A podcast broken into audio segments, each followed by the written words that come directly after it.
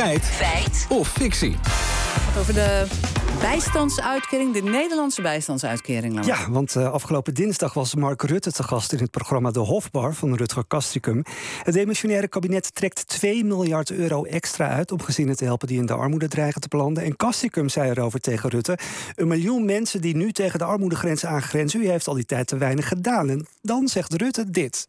Wacht even, maar dit zijn mensen met een bijstandsuitkering. Ja. Die behoort in Nederland tot de hoogste van de wereld naar Zweden. Ja, ter wereld na Zweden. Nou, dan moet je behoorlijk wat landen vergelijken met elkaar. Ja. Maar dat zijn we gaan uitzoeken. Ja, zeker. Die vergelijking per land, uh, dat is niet het enige ingewikkelde aan deze uitspraak. Tjade Michels is correspondent in Zweden en hij stelt dat alleen deze twee landen al moeilijk met elkaar te vergelijken zijn. Ik denk dat het twee landen zijn die heel erg veel gemeen hebben. Uh, waaronder die grote welvaartsstaat. Maar ja, om echt die voorzieningen één op één te vergelijken, ja, ben ik bang dat dat toch appels met peren vergelijken is. Ja, de vergelijking is dus eigenlijk niet te maken, zegt hij. Dat komt omdat het systeem hier in Zweden net weer wat anders werkt dan in Nederland. Wat het meest lijkt op bijstand, dat heet hier economisch bistond. Nou, dat kunnen wij ook nog wel verstaan. Dat komt net als in Nederland van de gemeente. Maar voor de rest ziet het sociale vangnet er hier eigenlijk heel anders uit. Vakbonden spelen daar bijvoorbeeld ook een rol in. Hmm, en wat zegt het verder? Want, want, hoe bereken je bijstandshoogte? Kijk je dan naar procenten of naar absolute getallen? Ja, dat hebben we gevraagd aan Olaf van Vliet. Hij is hoogleraar economie op de Universiteit Leiden. En hij zegt dit erover. Het wordt natuurlijk heel ingewikkeld als je absolute euro's gaat vergelijken. Bijvoorbeeld omdat de koopkracht verschil tussen landen. Als je bijvoorbeeld een euro vergelijkt in uh, Zweden met een euro uh, in uh, Roemenië, dat maakt het een wereld van verschil. Een manier om daarmee om te gaan is bijvoorbeeld om het uit te drukken als een percentage van het minimumloon of van het gemiddelde loon. Hmm, dat is dus lastig. En, en, wat zegt een hoge bijstandsuitkering in feite over hoe goed het met, met mensen zelf gaat? Nou, weinig, zegt Arjen Vliegendhart, directeur van het Nibud, want hij vindt de uitspraak van Rutte niet relevant. De vergelijking tussen alleen de hoogte van de uitkering is eigenlijk een vergelijking waarbij een heel deel van het stelsel buiten beschouwing laat. Uitkeringen zijn belangrijk, maar heel veel landen kennen ook toeslagen en kortingen. En het gaat om het hele pakket wat je in moet bekijken om te kunnen kijken hoe je eigenlijke stelsel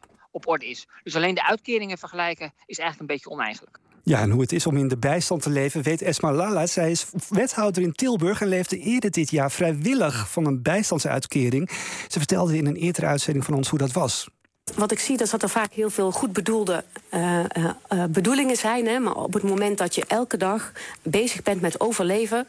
Uh, dan, en dan, dan hoor je dingen anders en dan komen dingen ook anders met je over. Sowieso, als je het hebt, je bent continu bezig met overleven. Dus je bent in je hoofd continu een puzzel aan het leggen. En ik vind het ja, best wel ingewikkeld dat ik dat nu moet zeggen. Want voor mij was het maar een maand waarvan mm -hmm. ik echt wist... dat het een begin en een einde had. Hè. Kijk, als je weet dat een situatie een jaar duurt of twee jaar duurt... dan heb je een heel ander perspectief. Gaan we weer terug naar die uitspraak van Rutte eerder deze week. Heeft Nederland nou de hoogste bijstandsuitkering ter wereld na Zweden? Nou, economisch hoogleraar Olaf van Vliet heeft hier in 2009 onderzoek naar gedaan. En hij zegt dit erover. Het is een vrij, vrij ingewikkelde vraag met een vrij genuanceerd antwoord. Want bijvoorbeeld neem je de toeslagen mee. Hè? Dus neem je mee de zorgtoeslag en de huurtoeslag en de kinderopvangtoeslag. Neem je dat mee in een vergelijking uh, of laat je die achterwege? Dat is wel van belang, want aan de ene kant zou je kunnen zeggen... ja, die moet je meenemen, want uh, mensen met een bijstandsuitkering... hebben bijna altijd recht op al die toeslagen. Uh, dus waarom zou je die achterwege laten?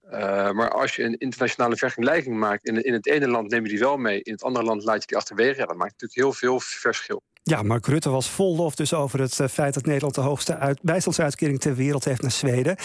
Uh, niet alleen is dat volgens Arjen Vliegendhart van Nibud irrelevant, maar het is ook nog eens heel moeilijk te checken. Je moet namelijk rekening houden met heel veel factoren en verschillende groepen. En daarom kunnen we toch zeggen dat het fictie is. Het klonk leuk, maar het uh, zegt eigenlijk niks. Oké.